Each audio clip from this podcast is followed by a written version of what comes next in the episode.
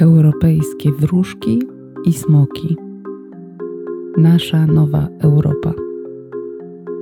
Wspólnoty, żeby trwać, potrzebują opowieści, także wspólnota europejska.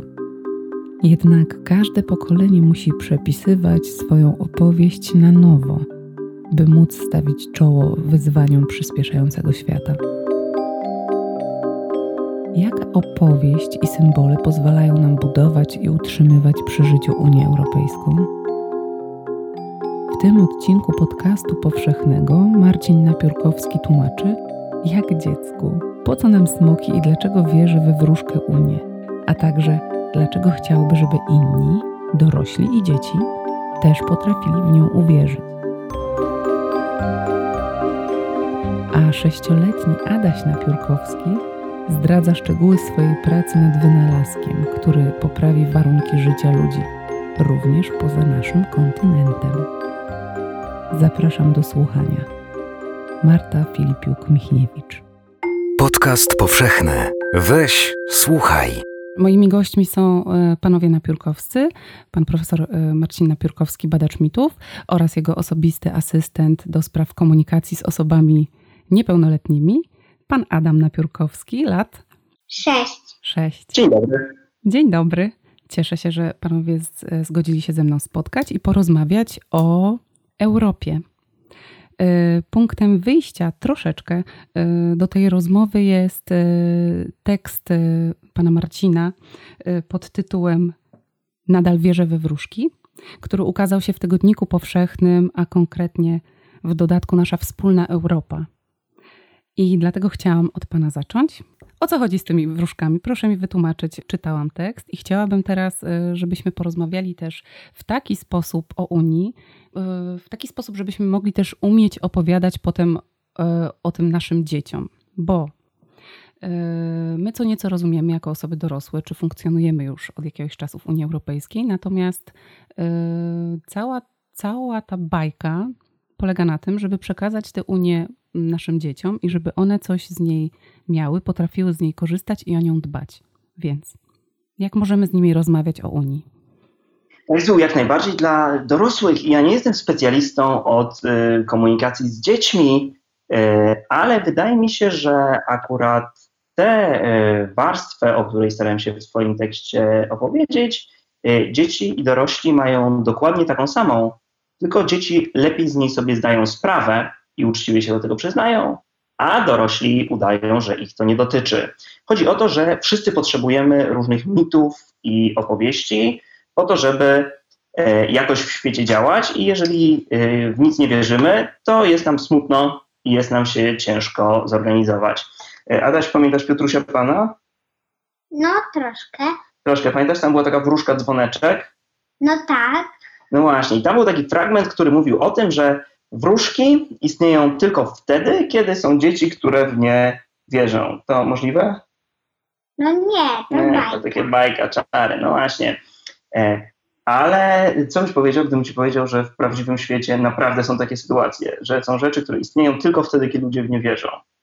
Gdzie tak fizycznie i naprawdę istnieje państwo? Jak idziesz do granicy, to co, napotykasz na taką wielką kreskę narysowaną na ziemi?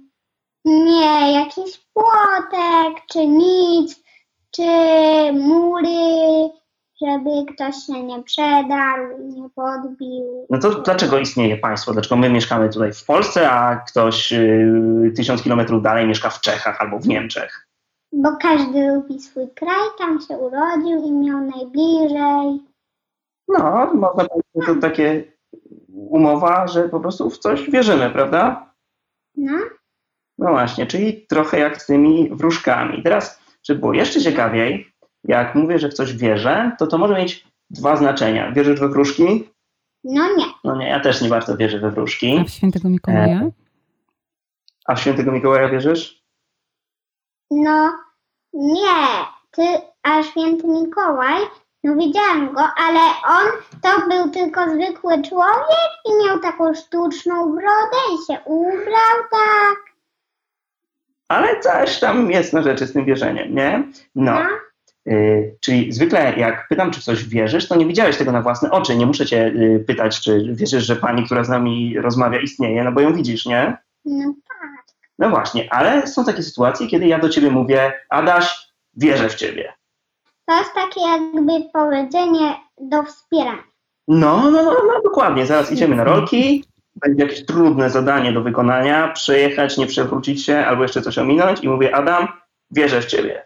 Dasz radę. No to nie znaczy, że Adam, jesteś jak wróżka, jak przestanę w ciebie wierzyć, to znikniesz, ale chcę ci okazać moje wsparcie, że jestem z tobą. No i właśnie jak pisałem ten tekst dla dorosłych, to miałem wrażenie, że bardzo dużo dorosłych, zwłaszcza w Polsce dzisiaj, przestaje wierzyć w Unię Europejską na takiej zasadzie, że tej Unii też jest czasami potrzebne, tak, wierzę w ciebie, dasz radę. Y, No i o tym chciałem opowiedzieć dorosłym. Posłużyłem się tylko taką metaforą wróżki, ale tak, takie zwykłe, prawdziwe wróżki, no to wcale nie trzeba wierzyć, żeby wierzyć w Unię Europejską. Adaś, a teraz mam do ciebie pytanie, panie Adamie. Y, Czy masz jakiś pomysł, co to jest ta Unia Europejska? No, to jest taki jakby klub w Europie z krajami Francja, Szwajcaria. Szwajcaria No, nie. znaczy, nie. Już mi się pomyli. Francja tak. Jakieś jeszcze kraje znasz, które są w Unii Europejskiej? Portugalia, Hiszpania, Niemcy, Polska to oczywiste. mm, Grecja, Bułgaria, Chorwacja. Powiedziałeś, No, powiedziałeś, że to jest klub, tak? No, Taki klub. A po, po co jest ten klub? no żeby doświadczyć, że Europa istnieje. A masz czasem jakieś kluby ze swoimi kolegami w przedszkolu? No tak. Na przykład, żeby co robić? No na przykład, żeby buszować troszkę. Żeby buszować. I y, dlaczego lepiej jest buszować w klubie niż samemu? No bo wtedy bardziej się uda. Chyba tak samo jak z tą Unią, nie? No, Zawsze fajniej buszować razem niż oddzielnie, albo nie daj Boże buszować przeciwko sobie, bo jak się nie jest w jednym klubie, to się łatwo pokłócić, nie? To jest nasz kawałek podwórka, a to jest wasz kawałek podwórka i tu wam nie wolno wchodzić i jest awantura gotowa. no. Czy jest coś wśród tych krajów, które należą do Unii Europejskiej, do tego klubu, co te wszystkie kraje mają wspólnego? No, że się lubią, że wolę prawie w to samo. A jakie kryteria trzeba spełnić, żeby wstąpić do tego klubu? Kto może przyjść do tego klubu? Mm, No, ci, co są z Europy, no i bardzo lubią Europę. No ja nie wiem, dlaczego tak Bałkany nie chcą troszkę być w Europie, bo tam ta Albania i w ogóle. Hmm, To jest bardzo dobre pytanie. Sądzisz, że nie chcą, czy może w tym klubie są jakieś warunki, które najpierw trzeba spełnić? No, jakieś warunki chyba. A Polska to tak od dawna jest w tej Unii, czy wcale niedawno? No jest em, z, z, z szóstego przyjścia y, tych krajów. Aha, z szóstej fazy poszerzania. Pamiętasz, który to był rok? E, jeszcze nie. Ale ja już wtedy byłem na świecie? No nie. Byłem, byłem, byłem, tak jest. E, ale ciebie jeszcze nie było, to nie? No nie. No, 2004 rok. Tak, to był Sporo 2004.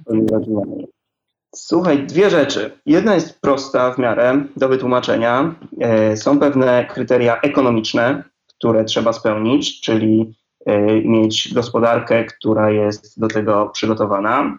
Generalnie chodzi o pieniążki. Ale drugie kryterium jest bardziej skomplikowane i związane jest z demokracją i przestrzeganiem praw człowieka. Znasz jakieś kraje, którym się zdarza mieć z tym problemy? No, jakieś takie kraje, na przykład, gdzie rządzą dyktatorzy, mogą przystąpić do Unii Europejskiej? No chyba nie. Nie bardzo. Na przykład Turcja to ma dyktatora i nie może, plus jeszcze ma ka, duży kawał w Azji. No, to akurat chyba y, nie było dyskwalifikujące. Przez długi czas Turcja była na świetnej drodze do tego, żeby przejść procesy integracyjne. Imponujesz mi wiedzą, Adamie. Naprawdę wiesz bardzo dużo o Unii Europejskiej i o wszystkich procesach. Żeby być w tym klubie, y, niezbędne jest dzielenie y, rozmaitych wartości, czyli takich rzeczy, które są ważne dla wszystkich członków, dla wszystkich krajów. Czy wiesz, jakie to są wartości, Adaś?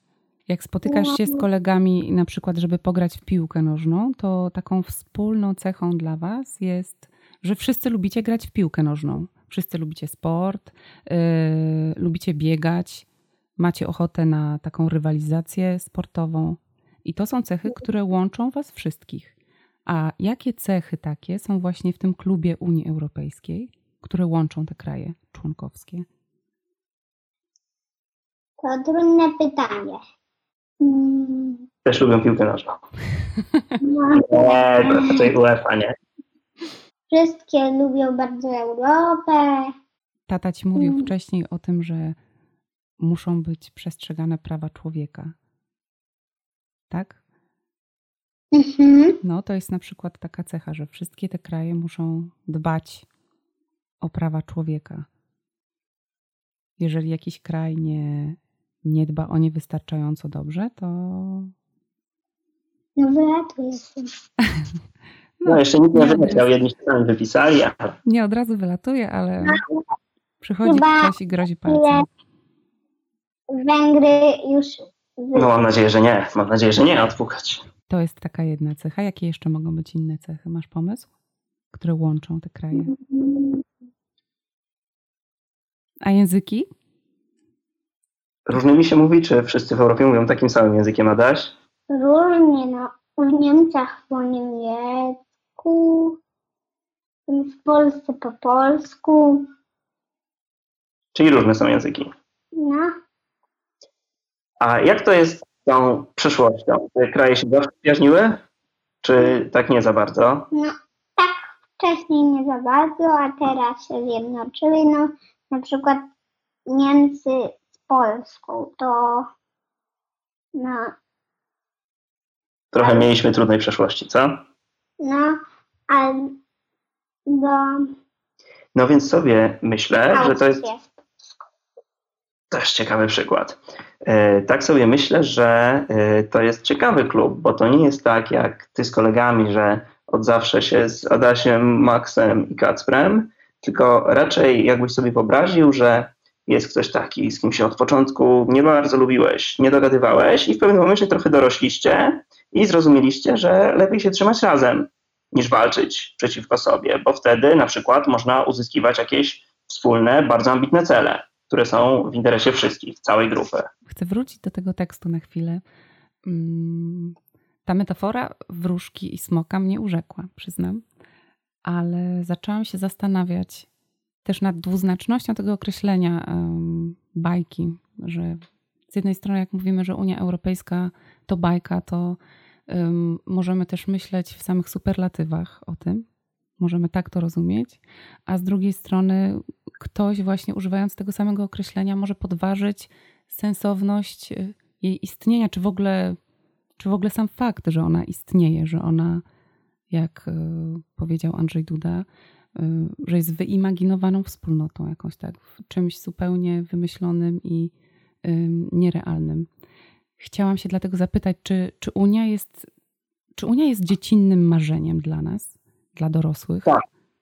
To jej najwspanialsza cecha. Kiedy jesteśmy dziećmi, jeszcze do pewnego stopnia nastolatkami, potrafimy sobie stawiać naprawdę ambitne cele. Potrafimy sobie wyobrazić świat bez głodu albo bez przemocy, świat sprawiedliwszej dystrybucji dóbr. Y, Później dorastamy i y, wydaje nam się, że to realizm, a często to jest po prostu lenistwo poznawcze. Y, Zaczynamy sobie wyobrażać, że świat może być tylko taki, jaki jest, a wszelkie próby ambitnej i radykalnej zmiany odsyłamy między bajki. I bardzo łatwo dzisiaj, w 2020 roku, pomyśleć, że no tak, no Unia jest takim realistycznym projektem, ale no nie myślimy o jakichś bajkowych naprawdę scenariuszach, czyli yy, o jeszcze bardziej pogłębionej integracji, albo o tym, żeby Unia odważniej rozwiązywała wyzwania związane z katastrofą klimatyczną, albo o Unii, która walczy z nierównościami, no bo to już są rządy. Otóż nie, w latach 50. taka wizja Europy, jaka dzisiaj dla nas jest codziennym doświadczeniem, była bajką, była dziecinnym, nie, niesamowicie ambitnym marzeniem, w które, jak sądzę, mało kto wierzył, że ono się może ziścić w taki sposób. E, dlatego bardzo ważne wydają mi się tutaj dwie rzeczy, to znaczy po pierwsze e, nie tracenie wiary w Unię, a po drugie nie pozwolenie na to, żebyśmy e, my, a ta Unia razem z nami osiadła na laurach i stwierdziła, no tyle już uzyskaliśmy, teraz to jest ten nowy realizm, a wszystko inne to są żonki. Unia Europejska ma sens tylko jako projekt odważnie wychylony w przyszłość, ku jutru, jeżeli przestaniemy sobie stawiać naprawdę ambitne cele, y, to ta Unia straci swój powab. Jak sobie Pan wyobraża Unię naszych dzieci, gdy dorosną? E, Adam, w jakiej Unii Europejskiej chciałbyś mieszkać? Co się ma zmienić? Nie wiem, Co byśmy na pewno nie chcieli, żeby się wydarzyło? Że, Na przykład. że kraje tak po kolei upadają i, i znikają, a w końcu zostanie jeden kraj Unii i tyle. To by było źle. No. Czyli fajnie, żeby Unia zachowała tą swoją różnorodność, tak? Mhm. No dobra, a jak się zapatrujesz na przykład na zmiany klimatu i globalne ocieplenie? Duży problem? Tak, dobrze. No właśnie, jak sądzisz, Unia może coś z tym zrobić? Mm, no, może wynaleźć jakieś wynalazki po prostu, czy coś. Łatwiej wynaleźć wynalazek jednemu państwu, czy jak jesteśmy w dużym klubie wspólnie? No, w dużym klubie wspólnie, ale wróćmy do tych wynalazków. Oho, wynalazki są najlepsze. I- Bo ja w- w przyszłości planuję zostać wynalazcą, no i mm, ja właśnie już robię projekty i różne rzeczy na mm, temat maszyny do zniszczenia y, globalnego ocieplenia. To wspaniały Mm. wynalazek byłby, gdyby Ci się udało. Bardzo trzymam kciuki, żeby się Takiej udało. Unii właśnie bym chciał dla y, naszych dzieci. Takiej Unii, że kiedy y, jakby myślimy dzisiaj o tym, co jest możliwe, to wydaje nam się to baśniowe i mrzonkowe, a takich obszarów poza walką z katastrofą klimatyczną jest y, znacznie więcej. Y, Bardzo wielu y, świetnych ekspertów podkreśla na przykład, że Europa, która już skutecznie wygoiła te wewnętrzne rany i konflikty, ma wciąż bardzo dużo do zrobienia, jeśli chodzi o nasz stosunek do wielkiego południowego sąsiada, jakim jest Afryka. Jak nam się dzisiaj żyje w Afryce, Adasiu? No źle, Źle. no i to tragicznie. Tragicznie, no właśnie. I trochę to jest wstyd, żeby y, tuż za Morzem Śródziemnym y, rozpościerał się zupełnie inny świat. I y, żeby było jasne, oczywiście doraźnie przyjmowanie migrantów i uchodźców to jest absolutnie nasz obowiązek, ale to powinno być dla nas dużo, dużo za mało. Powinniśmy mieć odwagę wyobrażać sobie taką przyszłość dla naszych dzieci, której to nie będzie tylko oczywiste, że ktoś z Gany może przyjechać do Polski, ale że równie prawdopodobny będzie ruch w drugą stronę. I to jest coś ważnego, co musimy zmienić w naszym podejściu. Jeżeli maksimum ambicji świata, który sobie wyobrażamy, to taki świat, gdzie my będziemy wspaniałomyślni i będziemy tu przyjmować studentów i pracowników i turystów, no to wciąż mamy jeszcze dużo lekcji do odrobienia, jeżeli chodzi o dziecięcą wyobraźnię. Powinien y, wciąż być w naszym horyzoncie wyobrażeń taki świat, w którym to my możemy sobie pojechać na wycieczkę albo na studia do, do Akry albo do innego ciekawego miasta. Unia Europejska jest bardzo interesująca, bo pozwoliła nam się wychylić poza horyzont, który od XVII wieku wyznaczało dla nas państwo narodowe, czyli to jest maksymalna granica współodpowiedzialności i solidarności. Unia Europejska rozszerzyła to na jeden kontynent, ale y, to jest wektor, który wcale nie musi, nie powinien się tam zachowywać i z takich czysto y, pragmatycznych przyczyn, jeżeli chcemy y, sprawnej, zdrowej i coraz zamożniejszej Europy, to nie możemy tego robić jako wysepka bogactwa kosztem cudzej biedy, bo no, z prostych fizycznych przyczyn ciśnienia z zewnątrz nie poradzimy sobie z tym, w związku z czym w naszym najlepiej pojętym interesie, nie tylko jakimś wspaniałomyślnej dobroci, jest to, żeby e, Afryka się bogaciła i to w szybkim tempie. Mhm. Ja idąc za tym dziecięcym marzeniem, pozwalam sobie na, przez chwilę na to, e, jednak chciałabym sobie wyobrazić taką Unię, która się otwiera e, nie tylko na właśnie regiony bogate i y, zamożne, które mogą nam coś dać, ale właśnie też na przykład na południe, które, y, które musimy wesprzeć jako po prostu wspólnota, no nieuniknione wydaje się dla każdego obywatela niepozbawionego empatii, żeby, żeby jednak y, naprawdę opracować jakiś taki perspektywiczny, daleko perspektywiczny plan, plan współpracy z Afryką na przykład. E, to prawda, ale y, tutaj musimy pozostawać jedynie w sferze marzeń. My w bogatej Europie mamy ostatnio paskudną tendencję do twierdzenia, że organizacje międzynarodowe takie jak ONZ czy y, WHO są kompletnie niesprawne i sparaliżowane. Otóż przykra dla nas prawda wygląda tak, że bardzo często te historie dotyczące tego, jak działa na przykład ONZ są zupełnie inne niż my to dopuszczamy do naszej europejskiej świadomości.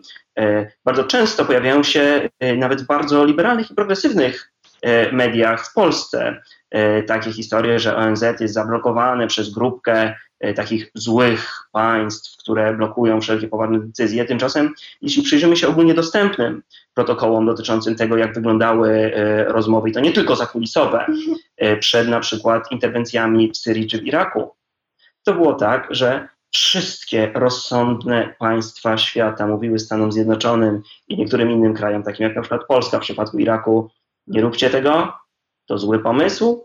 E, to, co się tam dzieje, jest fatalne, ale wasz pomysł jest pomysłem na pogorszenie.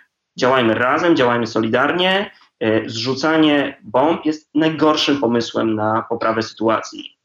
E, I no, wydaje się, że nie musimy fantazjować o y, Unii Europejsko-Afrykańskiej. Pierwszym krokiem, który możemy zrobić, to zacząć bardziej szanować te inne głosy, na przykład w ONZ, zacząć yy, bardziej sprawnie wykorzystywać te narzędzia, które już mamy.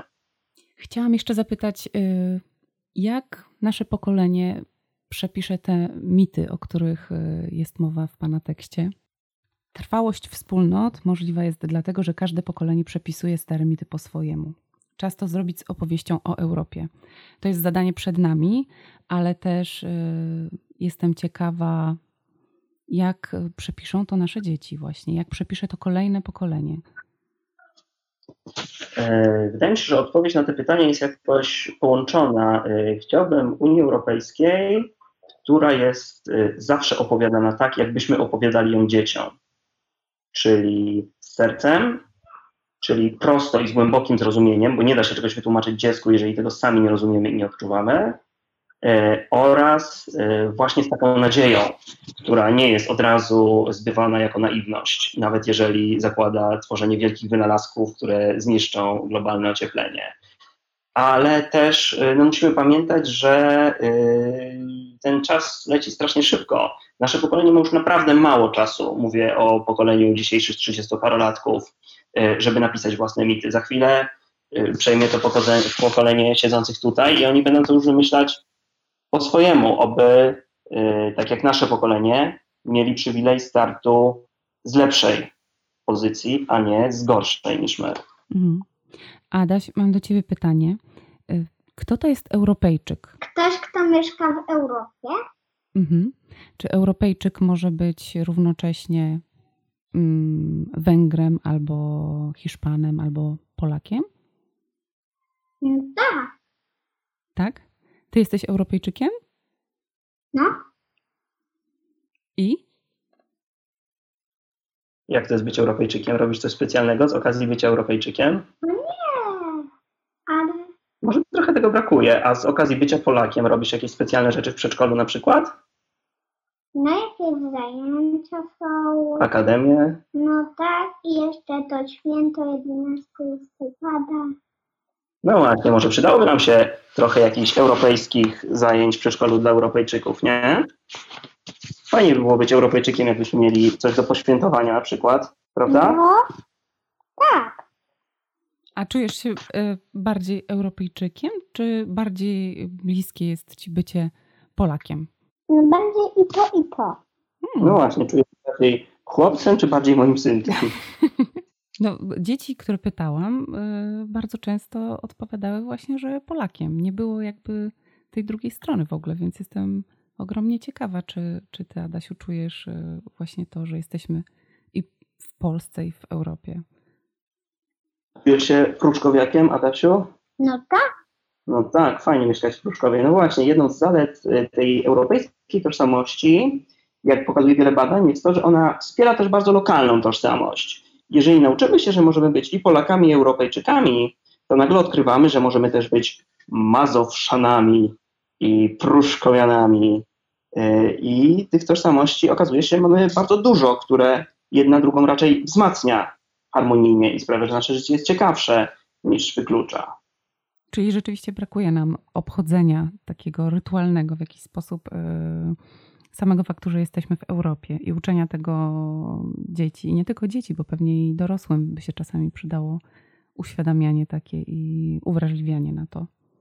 Tak, ale to jest oczywiście tylko kwestia czasu. Dla dzisiejszego czytelnika może być to zupełnym szokiem, ale kiedyś w ramach swojej pracy naukowej czytałem adresowane do dzieci i do nauczycieli e, broszury z roku 1918, 19 i kolejnych, gdzie e, na przykład e, chłopskim dzieciom tłumaczono, co to znaczy, że są Polakami i że w ogóle mają taką tożsamość i opowiadano tak typu no mieszkasz na swojej gospodarce i masz swoją ziemię i wyobraź sobie, że ktoś ci teraz zabrał to ojcowiznę, a potem ją odzyskałeś i trzeba było tak bardzo powoli wytłumaczyć, że na przykład obchodźmy tego 11 listopada tak, jakby to były urodziny, e, takie rodzinne święto. Jeżeli sobie uświadomimy, że zaledwie 100 lat udało się tak spójną i tak oczywistą tożsamość wytworzyć, a przypominam, że nie było to łatwe 100 lat, to jestem zupełnie spokojny o to, że jeżeli postaramy się nie popsuć wszystkiego bardzo szybko, dla mojego syna albo twojego syna, czyli mojego wnuka, e, ta europejska tożsamość będzie już czymś bardzo naturalnym, co świetnie leży i doskonale uzupełnia się z tożsamością polską. Mhm. A co z tymi smokami? Bo one też się pojawiają i ostatnio coraz y, bardziej nabierają na sile w Europie. I mm, mówi Pan o tym w swoim tekście właśnie, że możemy wybierać albo wróżki, albo smoki, albo jedno wspierać, y, albo drugie. Adaś, w smoki wierzysz? No nie. Nie. A pamiętasz w Hobbicie tego smoka, czym on się zajmował? Miał dużo skarbów? Tak. I co z nimi robił? Nie wiem. Nic z nimi nie robił. Leżał na tych skarbach, tylko ich pilnował w wielkiej jaskini. E, Smok jest e, pod tym względem e, toposem kulturowym przeciwnym do wróżki. Jeżeli wróżka e, spełnia się w obdarowywaniu, to smok strzeże zazdrośnie swoich bogactw. I wydaje mi się, że to są raczej takie dwa wektory kulturowych opowieści, które też pokrywają się z dwoma bardzo sensownymi politycznymi wektorami. Dbałość o własne interesy miłość do własnego domu i do własnej ojczyzny, e, to nie jest nic złego ani nagannego. Kwestia jest taka, że smoki świetnie sobie radzą w sytuacji rywalizacji o ograniczone zasoby, ale jeżeli naszym zadaniem nie jest rywalizacja o ograniczone zasoby, wspólna walka z gigantycznym wyzwaniem, jakim jest na przykład katastrofa klimatyczna, albo globalne nierówności, albo y, zmiany epoki cyfrowej, to y, smoki z tym wyzwaniem sobie nie poradzą. Będą sobie y, wyrywały to złoto, które już jest, zamiast walczyć o to, żeby złota przybyło, albo żeby całe złoto nagle nam nie zniknęło. Mhm. Adam, ty wolisz smoki czy wróżki, tak jako bohaterów bajek? Smoki. Wróżki? Smoki! Smoki! No. Oczywiście. Nie, no, możemy lubić Unię Europejską, ale jesteśmy chłopakami i pewnie, że wolimy smoki. Adam, czytałbyś książkę o wróżkach? No nie. No nie, no właśnie. Wolimy smok. można jeździć na smokach albo latać. Mhm. To jest... Tak, jak są wytresowane dobrze. Tak jest. Czy w przyszłości chciałbyś mieszkać w, w Polsce czy w jakimś kraju Unii Europejskiej innym? O, nie pojechałbyś na studia na przykład gdzieś w Europie? No, mógłbym pojechać na przykład na studia do Hiszpanii czy do Portugalii. O, tam to fajnie jest, co? No, to są takie radykalne dosyć dla mnie kraje. Tak? Czy tam będziesz mógł rozwijać swoje pasje wynalazcy? Tak. Tak. Hmm. Tam jeszcze szybciej chyba niż w Polsce przyda się ten wynalazek związany z ochroną klimatu i walką z globalnym ociepleniem, bo tam jest naprawdę, naprawdę ciepło. Tak, trudno powiedzieć, aczkolwiek też y, i miasta, i ludzie są bardziej przystosowani do życia w takim klimacie, więc zobaczymy, kto sobie lepiej poradzi. Mam nadzieję, że ostatecznie nikt nie będzie sobie musiał radzić ze skrajną sytuacją. Dzięki Wam serdecznie za, za czas. To my dziękuję bardzo. Adaś, powiedz ładnie. Do widzenia. Dziękuję, do widzenia. Dzięki bardzo. Pozdrawiam po, y, y, słuchaczy podcastu powszechnego. Dziękuję bardzo. Do usłyszenia w takim razie. Do usłyszenia. Do zobaczenia. Jeśli słuchają nas Państwo w Spotify albo w Apple Podcast, zasubskrybujcie nasz kanał. Jesteśmy też w Google Podcast i w aplikacji Lekton oraz na www.tygodnikpowszechny.pl/podcast. Dodatki specjalne z cyklu Nasza Wspólna Europa znajdą Państwo na stronie www.tygodnikpowszechny.pl/tp-dodatki. Odcinek powstał we współpracy z przedstawicielstwem Komisji Europejskiej w Polsce. Muzyka Rafael Crooks Fairy Dance Film Music IO. Weź, słuchaj, czyli podcast powszechny.